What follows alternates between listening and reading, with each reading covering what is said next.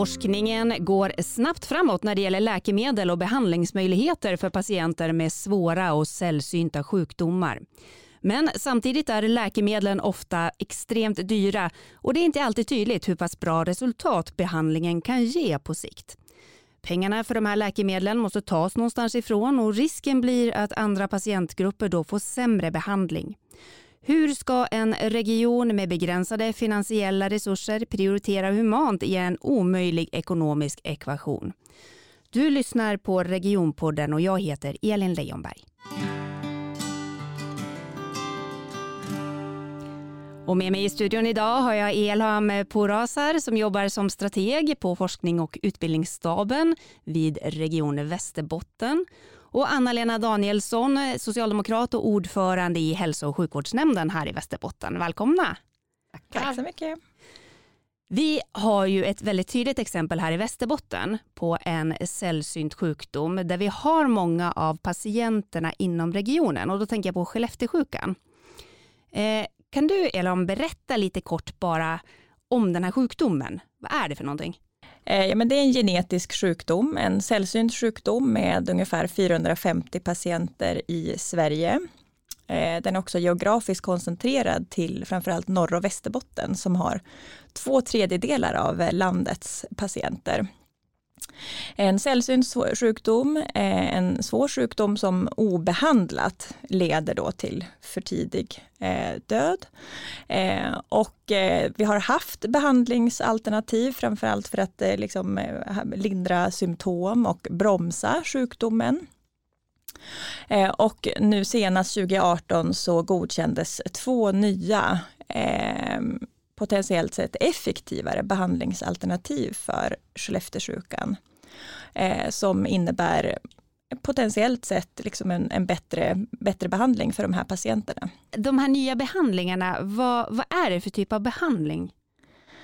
Ja, men det är behandling som innebär att vi, patienterna behöver fortsatt stå på eh, livslång eh, behandling eh, och kan potentiellt sett liksom ge en bättre effekt än de behandlingsalternativ som vi har haft tidigare.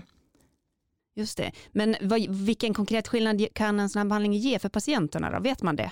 Eh, det man har sett i, i studierna är ju att be, sjukdomsförloppet stannar av och till och med så finns, har vi patienter som har blivit lite bättre på dem.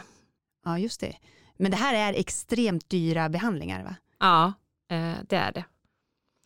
Eh, man hamnar ju någonstans 4-5 miljoner när man pratar om de här behandlingarna. Mm. Och jag vet att du sa att det är en väldigt stor del av budgeten. Ja, precis. Om man skulle ha då behandlat alla patienter som vi har här i Västerbotten skulle det innebära kanske 20-30 procent av hela läkemedelsbudgeten för en väldigt liten andel patienter. Så det är såklart en ekvation som är väldigt svår. Ja. Hur tänker ni kring den ekvationen då, Anna-Lena? Ja, det, det är ju svårt att få till därför att det här, så, alltså som politiker så vill vi ju naturligtvis att man ska få tillgång till de här behandlingarna som finns. Eh, och det för Skellefteåsjukan är den första. Det kommer fler behandlingar också som är än dyrare skulle jag vilja säga. Och, och ehm, här, vi, vi håller på, senast igår så tog vi beslut i hälso och sjukvårdsnämnden om eh, om att fördela 30 miljoner till, just till eh, läkemedel till för Skellefteåsjukan. Mm. Eh, och det är bara liksom en, en liten droppe skulle jag vilja säga. För vi hade vi under eh, från januari till juli så ökade läkemedelskostnaderna för Skellefteåsjukan med 27 miljoner. Mm det man kan komma ihåg också att det är ett område där forskningen går väldigt snabbt framåt. Så här eh, nyligen så har man också initierat nya kliniska studier just på den här patientgruppen med den eh, Nobelprisbelönade gensaxtekniken. Och det är en av de eh, första i världen där man då testar den här tekniken. Så det är ju väldigt lovande och bra med forskning och utveckling inom det här området. Men det är en utmaning som vi behöver kunna hantera för att faktiskt eh, kunna tillgängliggöra de här behandlingsmöjligheterna för patienterna. Mm. Hur går dialogen då liksom med den här patientgruppen och patientföreningen? vi har en god dialog eh, med patientföreningarna. Det finns ju en förening i Västerbotten och en i Norrbotten. Och, och, vi har från Västerbottensregionen, vi har en väldigt god dialog just med patientföreningarna. För vi vill ju samma sak. Vi vill ju tillgängliggöra de här behandlingarna och terapierna. Eh, och de förstår ju också att eh, kostnadsbilden är, eh, är svår och svår att hantera. There's an ocean inside me caused by a million flashes behind me of us sitting there you beside me story surrounding me. There's an ocean inside of me. It's causing a storm fully binding me. I'm not where I'm supposed to be no. I'm with you we're at the sea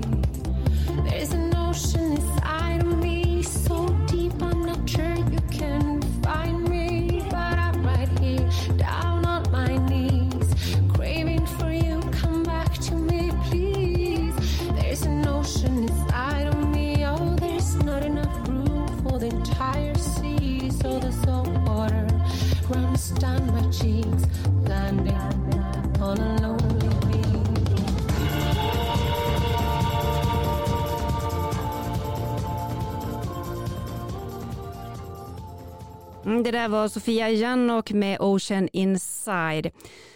Hur utbrett är det här med liksom sällsynta eh, och svåra sjukdomar som, där det finns behandling, liksom, men den är dyr? Hur många sjukdomar kan vi prata om? Det är nog svårt att säga, men man, man brukar uppskatta att ungefär 3-5 procent av Sveriges befolkning lever med en sällsynt eh, sjukdom.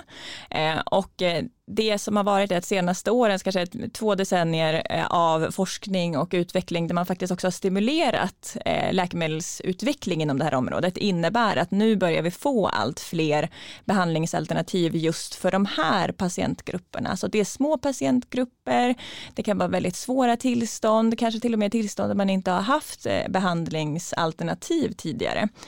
Så det är Eh, Skellefteåsjukan och liksom de utmaningar vi ställs inför i Västerbotten är Eh, början på någonting mycket större. Så vi ser eh, fler terapier som godkänns på europeisk nivå och som så småningom också ska introduceras i svensk hälso och sjukvård om det visar sig att de, har, liksom, att de är effektivare och säkrare och även kostnadseffektiva eh, i, för svensk hälso och sjukvård och för patienter i Sverige. Mm. Men vad upplever ni blir den största utmaningen i det här då? Alltså det finns många utmaningar i det här skulle jag vilja säga. Därför att det, det är små eh, och sällsynta allvarliga sjukdomar som det handlar om. Det finns, ingen, det finns lite forskning, vi har inga databaser, vi kan inte samla ihop fakta nationellt till exempel. Eh, de här, eh, en annan utmaning är ju naturligtvis priset. Att det kostar extremt mycket många av de här behandlingarna är ju, nu pratar vi om, om Skellefteåsjukan 3, 4, 5 miljoner, men, men många ligger kanske på, som vi har hört från andra länder, skulle man hamna kanske på 19 miljoner eller än, ännu mer. Eh, och det är ju väldigt mycket pengar, även om det är få eh, patienter i Sverige. Och här behöver vi ha ett nationellt arbete kring hur, hur ska vi liksom gå vidare med det här. Och i det så har vi ju då plockat fram den här vitboken Eh, här i Västerbotten som är ett stöd eh, och som vi ser som, som en framgångsväg för att kunna jobba med de här nya innovativa läkemedlen och behandlingarna som kommer. Kan ni berätta mer om den här vitboken? Nej, men eh, vitboksarbetet var väl egentligen, alltså eh, startskottet var ju utifrån Skellefteåsjukan och de utmaningar som vi kunde se just för, den, för det här terapiområdet och för den här sjukdomen.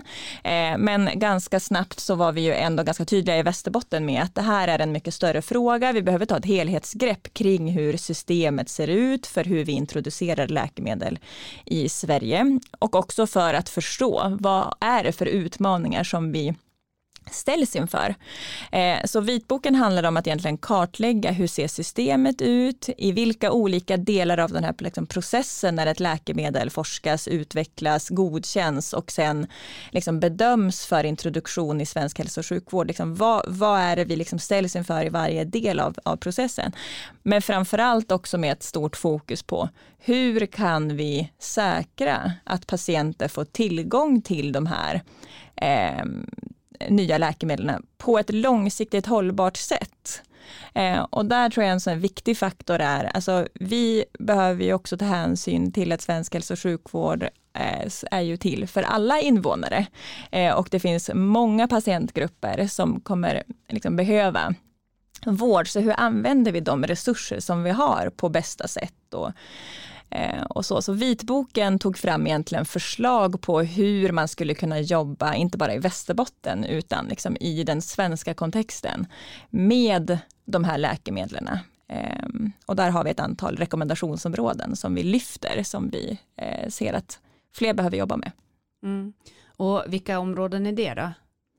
Eh, men det är egentligen fem rekommendationsområden där eh, men ett handlar om att se hur ser liksom de, det regulatoriska systemet ut, alltså vilka läkemedel godkänns, hur får vi tillgång till inte bara de nya terapierna utan vi behöver ju kunna använda även andra äldre beprövade etablerade behandlingsalternativ så att vi har liksom så mycket verktyg i verktygslådan som möjligt. Eh, så liksom säkerställa att det systemet fungerar så vi inte låses fast vid bara de nya terapierna. Eh, en annan del handlar om att hur kan vi jobba just med, alltså, med hur vi värderar de här terapierna, hur kan vi betala för de här terapierna, hur ser liksom själva prissättningen ut och där kommer ju företagens roll in. Eh, så liksom hur kan vi hitta eh, lösningar på hur vi liksom eh, prissätter och betalar eh, för de här terapierna och kan vi också då liksom möta några av de osäkerheter som Anna-Lena lyfter, att vi vet inte vad de här eh, läkemedlen liksom har för effekt på längre tid. Så hur kan vi liksom överbrygga de osäkerheterna så att vi inte lägger pengar på sånt som i slutändan visar sig inte vara eh, så bra som vi hade trott. Eh, en tredje del handlar om att vi ser att dagens system där regionerna har det ensamma finansieringsansvaret då för de här terapierna är inte hållbart. Det är liksom en, en stor börda att lägga på regionerna givet det ekonomiska läget. Men också för att användningen av de här terapierna är fortfarande, egentligen skulle man kunna säga, liksom fortsatt forskning och utveckling där vi hela tiden behöver generera ny evidens. Så vi tror att staten skulle behöva ta ett större ansvar ansvar i att liksom introducera och, och stimulera användningen av de här terapierna så att vi vet vad effekterna är på längre sikt. Ehm, det handlar också om uppföljningsfrågan och hur vi liksom kan bygga då data och liksom generera evidens, bygga kunskap, eh, förstå vad är den verkliga effekten? Är de här läkemedlen säkra för våra patienter? Är det kostnadseffektivt sätt att använda de offentliga resurserna på? Eh, ja. Mm. Men, och det här är ett arbete som har gjorts inom Region Västerbotten alltså? Mm. Ja. Det, det, jag kan säga att det är Elham och eh, Örjan Norberg som har jobbat fram den här vitboken. Eh, fantastiskt arbete har de gjort eh, för att, för att eh, liksom få det till en nationell fråga. Eh, men ursprunget är ju Skellefteåsjukan. Det är ju liksom så, eller skulle vi inte ha jobbat med det här eh, om vi inte hade haft eh, stått med problemet framför oss. Eller det är inget problem egentligen, men för det är ju det är en utmaning skulle jag vilja säga. För det är ju jätte, jättebra att de här terapierna kommer. Men det är ju så svårt att tillgängliggöra och utifrån tillgängliggörandet så har vi sett att vi behöver jobba fler. Det är inte bara Västerbotten utan vi behöver få in andra aktörer och där är det ju de andra regionerna men det är också SKR och staten. Eh, vi behöver liksom få in statliga medel i det här systemet också men även ett ansvar och ett, att man pekar på att det här är viktigt. Nu får ni fortsätta jobba med det här. Eh, och sen naturligtvis företagen eh, som har en prissättning som vi har svårt att förstå. Det behöver bli begripligt. Vi betalar jättemycket pengar för någonting som är så osäkert eh, som det här är. För det finns ingen långtidsforskning på de här. Eh, så att vi betalar för någonting som vi egentligen inte vet vad, vad är det som kommer till gagn för de här patienterna. Och där behöver vi hitta ett betalningssystem. Så vi började egentligen med att fundera på olika betalningssystem och utifrån det så har vi liksom jobbat vidare och till slut så hamnar vi i den här vitboken där vi är. Men ni har tagit fram ett koncept också för hur Sverige skulle kunna jobba med de här terapierna.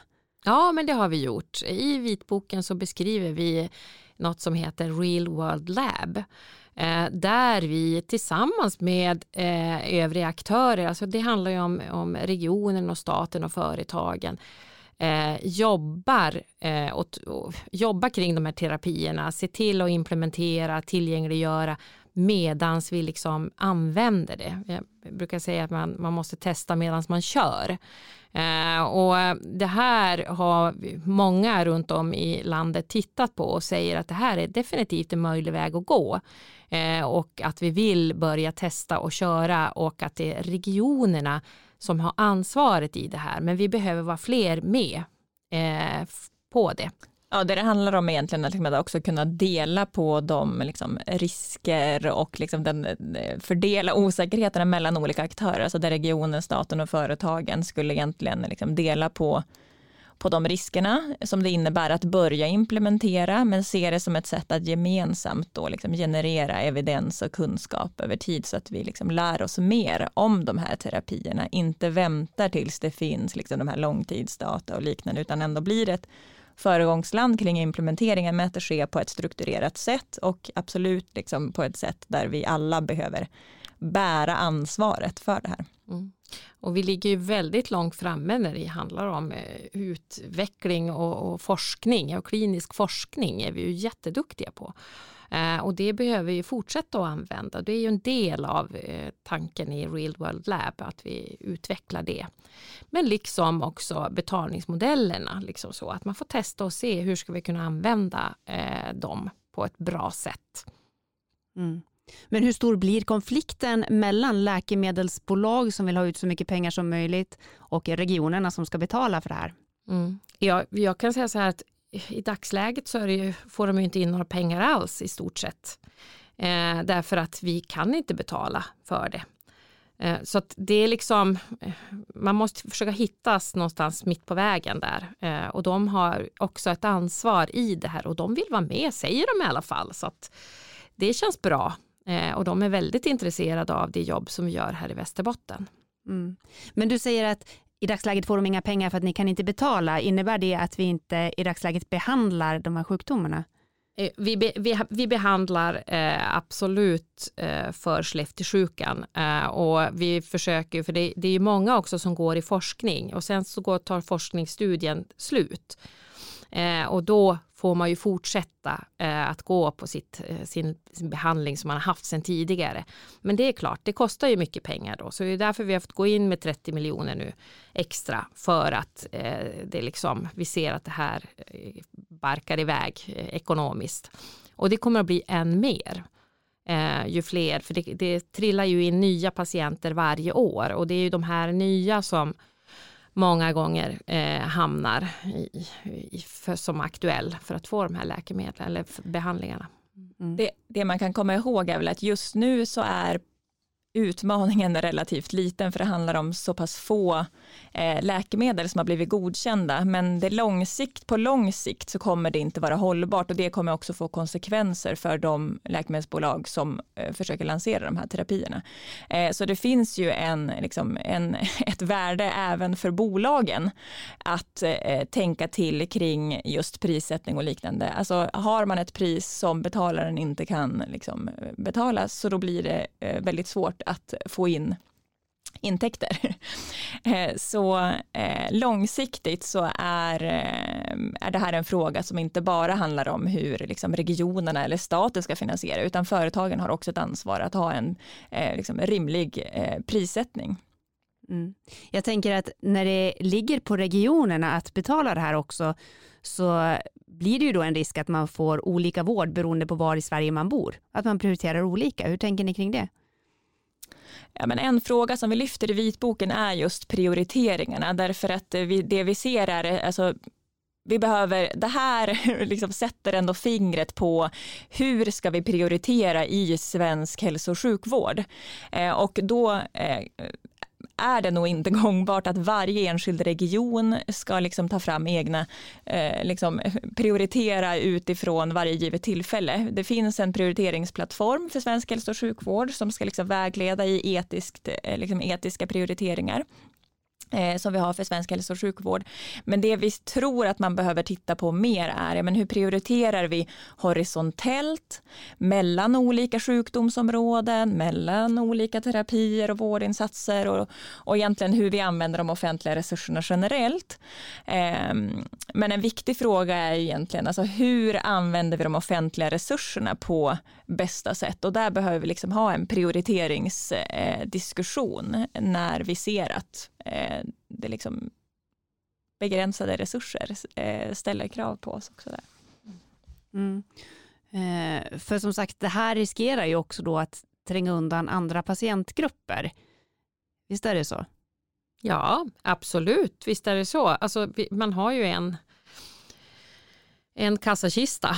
Liksom. Det är våra skattemedel som vi ska använda och då måste vi prioritera eh, och få till bästa möjliga vård för så många som möjligt i det här och då, då kan det vara så att det blir något som blir bortprioriterat. Och nu är det nya som knackar på dörren och det är ju liksom inte prioriterat idag. Och hur ska vi få in det i systemet? Det är liksom det. Vad ska vi då ta bort för att vi ska kunna behandla eh, de här nya eh, ja, behandlingsmetoderna som kommer? för kanske personer som idag inte har någon behandling överhuvudtaget. Och det kan, det kan handla om, om liv och död i vissa fall, att man liksom får ett mycket, mycket längre liv.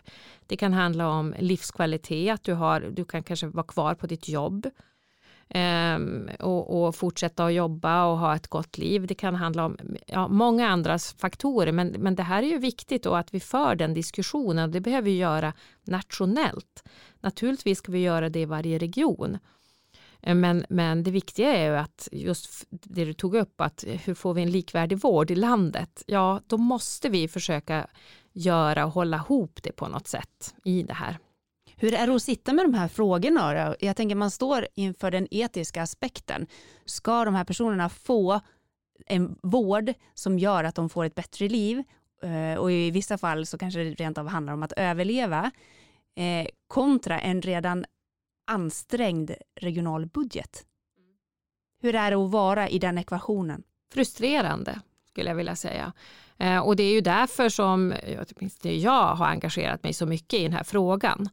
Jag skulle aldrig, jag skulle inte ha gjort det om vi liksom hade haft fullt med pengar och vi bara betalat. Då har det liksom inte varit, men just nu är det jättefrustrerande därför att jag ser så mycket behov Eh, och vi har inte de resurserna och vi måste ställa grupper mot varandra och det är ingenting som vi vill göra utan vi vill ju ge en, en god hälso och sjukvård till alla eh, i det. Eh, och därför så, det var väl när jag började som politiker här 2019 så, så um, jobbade, den här frågan var ganska aktuell just då. När vi började med att skriva en motion till Sveriges kommuner och regioner eh, som fick ett väldigt väl bemötande. Så de har ju tagit fram nu ett positionspapper om vad de vill göra från Sveriges eh, kommuner och regioner för att driva på den här frågan då mot, ja, med regeringen. Ja, som sagt, SKR de driver den här frågan nationellt. Och vi ska lyssna på en intervju med ordförande i SKRs sjukvårdsdelegation och det är Moderaternas Marie Morell det har påbörjat ett arbete mellan TLV och olika instanser för att fundera på hur ska man prissätta de här läkemedlen? För det, det är ju lite utmanande får man väl ändå säga för systemet när någonting kostar så väldigt, väldigt mycket pengar, även om vi vet att det ofta kanske räddar liv. Men eh, det är klart att det är många miljoner som vi pratar om. Så att den här frågan, eh, ja den är viktig men svår. Jag tänker kring det här med, med att det landar på regionnivå i slutändan och någonstans blir det då upp till vilken ekonomi man har i regionen om man kan erbjuda vissa behandlingsmöjligheter. Vad tänker du kring det? Ja, det är det man då funderar på om man ska behöva ha någon form av eh, ja, pott eller försäkringslösning mellan regionerna. Det är ju någonting som vi har diskuterat ganska länge. Men eh, det, det, är klart att jag menar så ser ju hälso och sjukvårdens organisering ut i stort och vi har ju också utjämningssystem eh, med skatteutjämning och så vidare för att möta en del av det här och även de, eh, det eh, statsbidrag som vi har för läkemedel har vi ju enligt samma modell som vi har med eh, annan eh, skatteutjämning. Så att det finns ju en del utjämnande faktorer, men det är klart att det är utmanande ekonomi för, för en del, framförallt mindre regioner, att, att kunna ta om det kommer ett antal patienter som, som behöver då de här väldigt dyra läkemedlen. Mm, vilka lösningar skulle du vilja se då från eh, politikerhåll? Vi behöver jobba med, med många olika delar när det gäller läkemedelsfrågan. Det handlar både om att skapa en bättre kunskap som sagt vad som används, men vi behöver också en bättre kunskap ute i regionerna och bland oss regionpolitiker kring vilka läkemedel som finns så att säga, runt hörnet och vad som är på väg fram i hälso och sjukvården för att också kunna möta de här utmaningarna på ett så klokt sätt. För det är ju inte bara ett enskilt läkemedel som det handlar om många gånger utan det är ju en hel struktur och organisation också med kunskap och kompetens, eh, diagnostikmöjligheter och så vidare som man måste rigga i organisationen när, när vi jobbar mer kanske med genanalys och så vidare och precisionsmedicin. Så, så här behöver vi jobba både med det som ska komma, det som är och ta reda på vad det är som verkligen har hänt. Mm. Och fasa ut gamla läkemedel som inte kanske är relevanta längre. Hur långt bort tror du att det är då innan ni känner att ni börjar liksom få, få någon plan för det här och att det faktiskt, man, man har nått någon typ av lösning? Jag uppfattar att det är många som nu ändå ser behovet över att hitta strukturer för hur man ska kunna eh, hitta, göra finansieringsmodeller för de här lite dyrare läkemedlen som ett fåtal patienter är i behov av. Så att det, det räknar jag med att inom de närmsta ett, två åren eller någonting. Det är alltid svårt att sätta en tidsgräns men eh, jag upplever ändå att det finns ett, eh, ganska mycket material framme nu som man diskuterar och de flesta är ju överens om egentligen i stora drag vad man vill men sen är det bara att få det på plats ordentligt. Mm, vad säger ni? Några år bort innan man kan ha hittat en lösning och samtidigt har vi ju patienterna redan idag som behöver behandlingar. Vad tror ni om det här? Ja, nej men några år bort, ja men det är bättre än ingenting alls skulle jag vilja säga. Vi behöver, det här är ju någonting som vi behöver och vi förstår ju naturligtvis att det inte är någon quick fix att göra det utan att, att liksom få ihop det här nationellt men att hitta finansieringslösningar som på ett bra sätt matchar upp mot regionerna och det uppdrag som vi faktiskt har och, och mot de utmaningar som finns Eh, och precis som Marie säger också att titta runt hörnet och se vad, vad är det som är på ingående här i Sverige. För det händer väldigt, väldigt mycket. Så vi behöver göra en omställning, och, men även som hon säger också kunna fasa ut vissa saker och, och, och ta in nya. Eh, och det är ju likadant med andra former av behandlingar så som man säkert skulle kunna se över. Och det var lite grann det som Elham eh, lyfte också kring prioriteringar att eh, får man någonting som är bättre så kanske det andra eh, fasas ut eftersom så att vi inte kör dubbla spår i det. Mm. Men jag tycker att det, det, det, finns ändå en kraft nu i Sverige och liksom olika aktörer som, som börjar jobba mer aktivt med frågan. Och, eh, men SKRs arbete har varit väldigt viktigt och eh, den struktur som finns för regionerna att samverka kring ordnat införande av nya läkemedel är ju väldigt, väldigt bra sätt att få ihop de 21 regionerna. Där pågår det ju ett utvecklingsarbete kring betalningsmodeller och liksom avtal eh, för de här terapierna tillsammans med till exempel Tandvårds och läkemedelsverket som också har ett regeringsuppdrag att jobba med framförallt hur vi liksom värderar och eh, utvärderar kostnadseffektivitet och liknande för de här terapierna och överbrygga de osäkerheter som finns.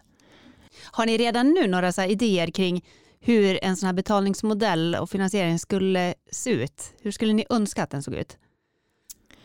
Eh, ja, alltså, vi, vi, oftast brukar vi säga att det finns nog ingen one size fits all lösning som kommer liksom kunna gå att applicera på flera olika terapier. Men det finns ett samarbete nu där Region Stockholm, Västerbotten, TLV och då SKRs ordnat införande tittar på eh, hur man skulle kunna hitta liksom nya betalningsmodeller och ehm, vrida och vända på utifrån olika terapier, hur det skulle kunna se ut. Men det vi har landat i väl, det behöver nog vara liksom en kombination av olika delar. Alltså dels att faktiskt få ner själva liksom priset som vi förväntas betala.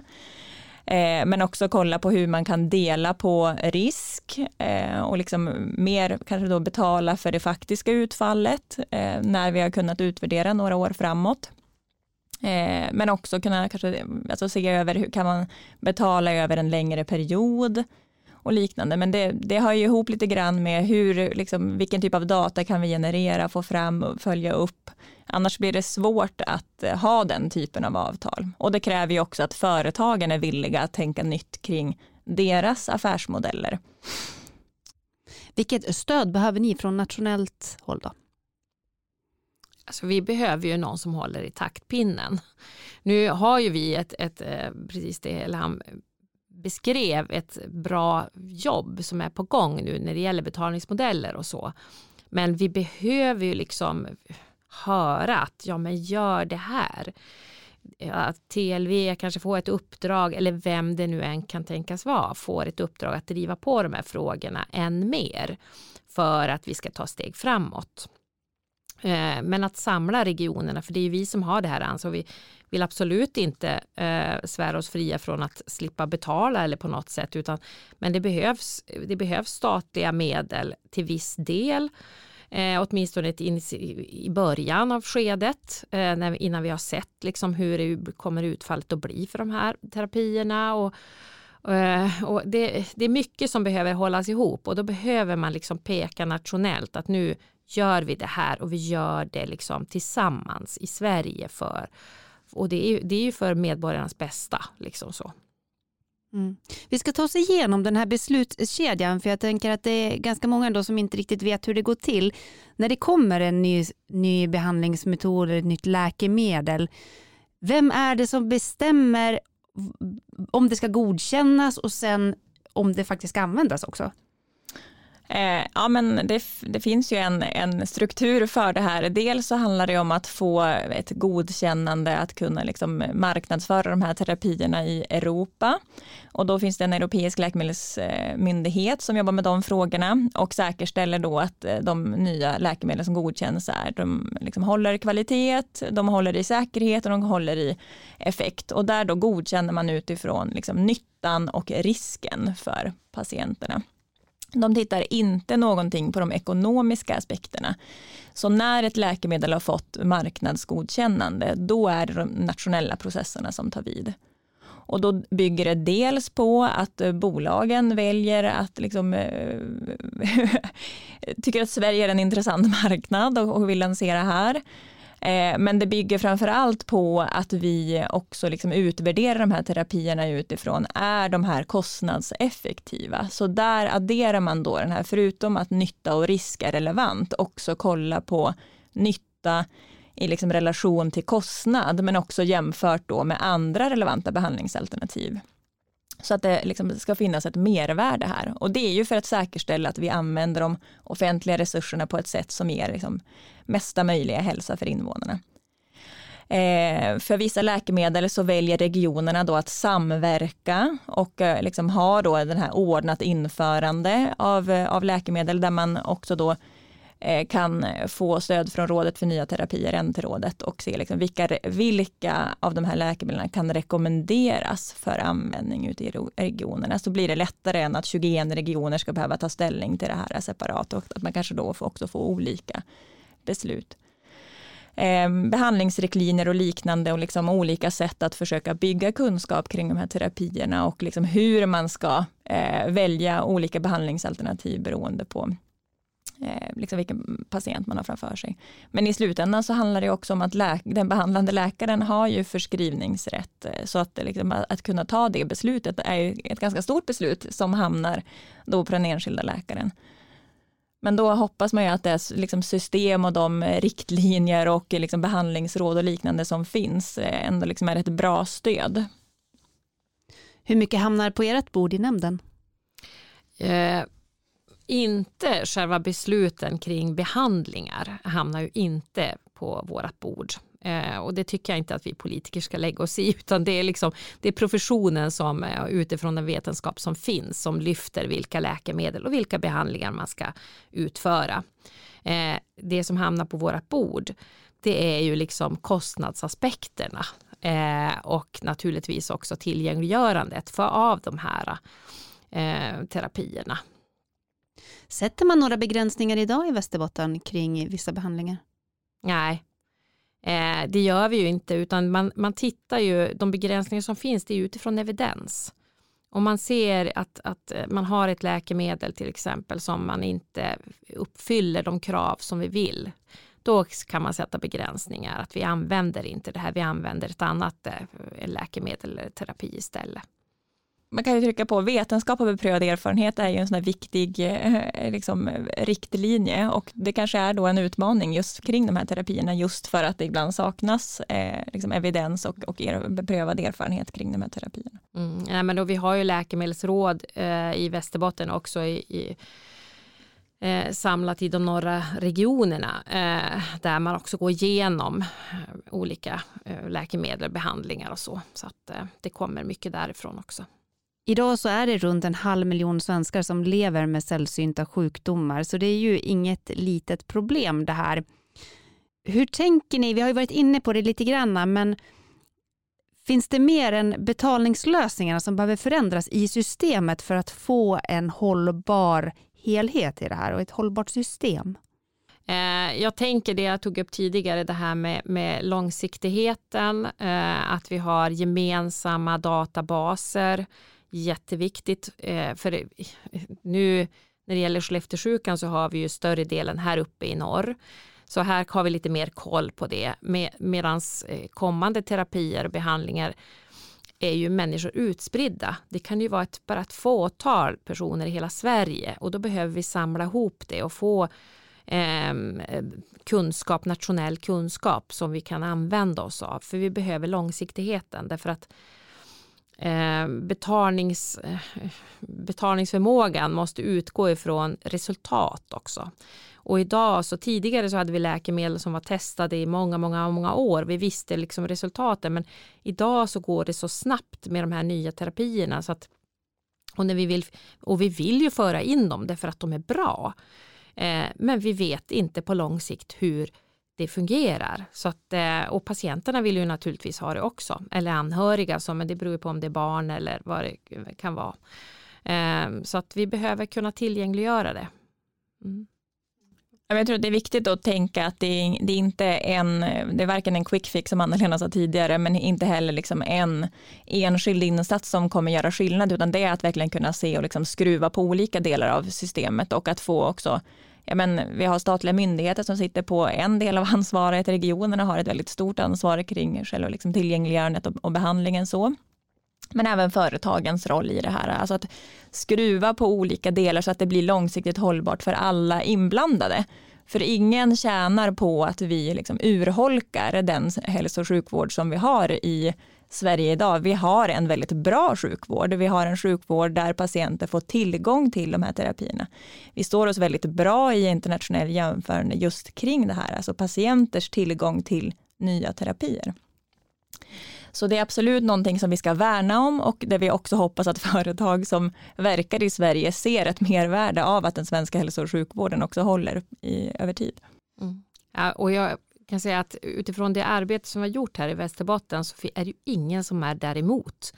Alla tycker att det här är en viktig fråga som vi behöver jobba med. Eh, så jag ser ju positivt på att, att det finns eh, goda strömningar i Sverige för att faktiskt kunna lösa de här eh, sakerna. Och precis som Marie Morell sa, att ja, men två år kanske, om vi, har, om vi har tur, så har vi löst det på två år. Jag hoppas Hoppas verkligen det. Därför att vi vill alla hitta en lösning och jag tror även att, att eh, företagen är intresserade, regionerna är definitivt på, SKR, de är ju regionernas företrädare, men de har gjort ett jättebra jobb i det här och TLV och NT-rådet likaså. så. så att vi, vi behöver få ihop det på något sätt och då är det någon som behöver ta den här taktpinnen. Eh, och eh, ja, jag tror att det är på gång. Mm. Ni låter ändå rätt positiva till att det kommer att lösa sig. Ja, men det måste man ju vara om man jobbar med de här frågorna. Ja, men det låter bra. Hörrni, stort tack för att ni kom hit och ville prata om det här i Regionpodden. Eh, jag skulle tro att det här är ett ämne som vi får anledning att komma tillbaka till framöver. I nästa avsnitt då ska vi prata turism. Norra Sverige har fantastiska saker att erbjuda våra besökare men vi har stora avstånd och ligger långt ifrån en internationell flygplats. Hur ska vi få till en hållbar besöksnäring i norra Sverige? Missa inte det och tack som har lyssnat.